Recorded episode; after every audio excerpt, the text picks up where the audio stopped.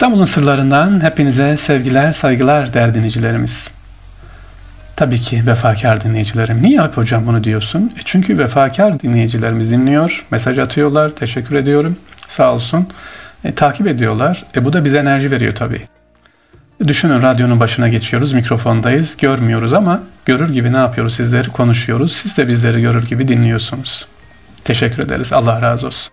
Şimdi efendim İstanbul'u Afrika'ya bağlayan bir camimiz var İstanbul'da. İstanbul'u Afrika'ya. Nasıl oluyormuş? Evet, onu anlatalım. İkinci Abdülhamit Han ve yaptırdığı eserlerden açılınca söz eğer Yıldız Camii aklımıza gelir ama e, bu Yıldız Camii'nden sonra Ertuğrul Tekke Camii var. İstanbul Boğazı'nın Rumeli yakasında Beşiktaş Barbaros Bulvarı'nın yukarısında Yıldız Mahallesi'ne giderken yokuşun sağ tarafında. İkinci Abdülhamit Han tarafından yaptırılmış. Burası aslında Şazeli tarikatı Trablusgarp Şeyhi Hamza Zafir adına inşa ettirilmiş efendim. Cami, tekke, misafirhane, türbe ve kütüphanesiyle büyük küçük külliye. Cami, tekke, misafirhane, türbe ve kütüphane var burada. Caminin adı Osmanlı Hanedanı'nın ceddi Ertuğrul Gazi'nin hatırasını canlandırma arzusuyla Sultan II. Abdülhamit Han tarafından verilmiş. Domaniç Türklerinden oluştuğu için de Ertuğrul alayının ibadetine burası tahsis edilmiş. Ya Ertuğrul alayı. Hangi cami anlatıyorum size şimdi? Ertuğrul Tekke Camii'ni anlatıyorum. Caminin adı e, Ertuğrul Gazi'nin hatırasına veriliyor burası.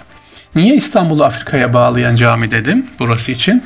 Ertuğrul Tekkesi'nin özelliği burada bulunan Şazeli tarikatı şey olan Zafir Efendi sayesinde İstanbul'u Afrika'ya manen bağlıyor efendim. İstanbul'da fazla yayılmamış olan daha önce Unkapanı'nda ve Ali Beyköy'de iki tekkile temsil edilen Şazeli tarikatını güçlendirmekten çok İslam aleminin e, çeşitli yörelerinden Osmanlı başkentine gelen tarikat şeyhleri ulemayı ağırlamak özellikle de kişiler aracıyla Osmanlı'nın Afrika'daki nüfusunu ne yapıyor? Pekiştiriyor efendim. İşte Osmanlı ne yapıyor? Sadece cami yapı bırakmıyor, tekke yapı bırakmıyor. Bunların işlevsel hale de getiriyor. İkinci Abdülhamit Han bu konuda çok hassas, Afrika'ya ne kadar önem veriyor. İşte Ertuğrul Tekke Camii'nin bir özelliği de bu. Camimiz önce ne oluyor? Tekke, sonra okul oluyor efendim. Tekkeler kapatılınca burası 1957'ye kadar Şair Nedim İlkokulu olarak burası kullanılmış, milli eğitime bağışlanıyor. E, burası ne olacaktı? 1960 yıllarında çökme tehlikesiyle karşıya karşıya kaldığı için 69-70 arasında e, esas onarıma tabi tutulmuş tarikat müzesi olacaktı ama olmamış. Ertuğrul Dekke camimiz e, çok ilginçtir.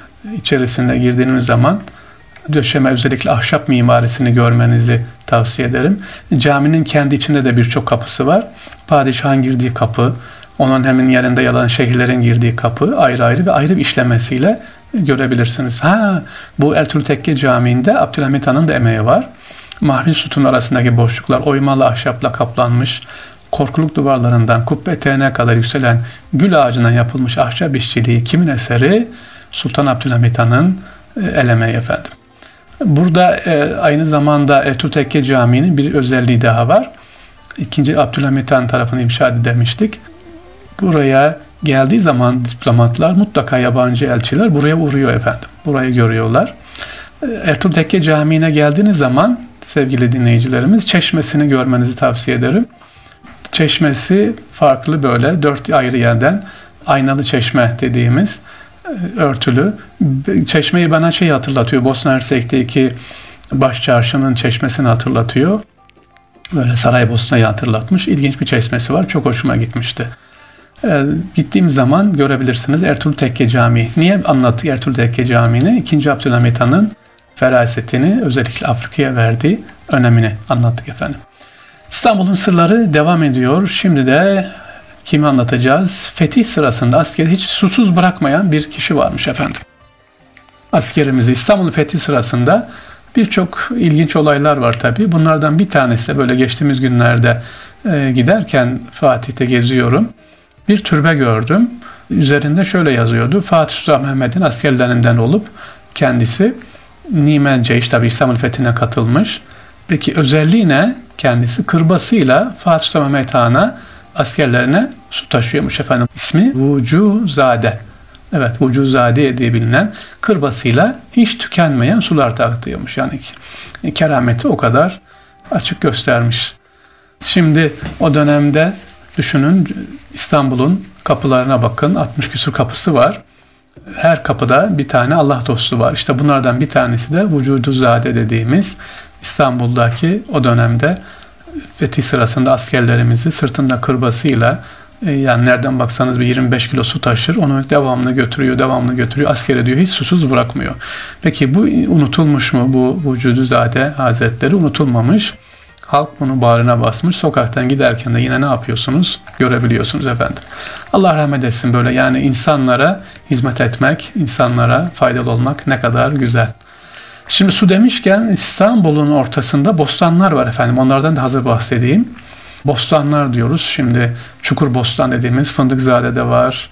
Fatih işte Edirne Kapı tarafında var. Şimdiki onun yanında Vefa stadın olduğu yerler var. Üç tane büyük bostanlarımız var. Ama sarnıç mı acaba askerli yerleşim mi diye şöyle baktığım zaman şimdiki İstanbul'daki çukur bostanlar e, bir dönem sarnıç olarak tabii kullanılmış.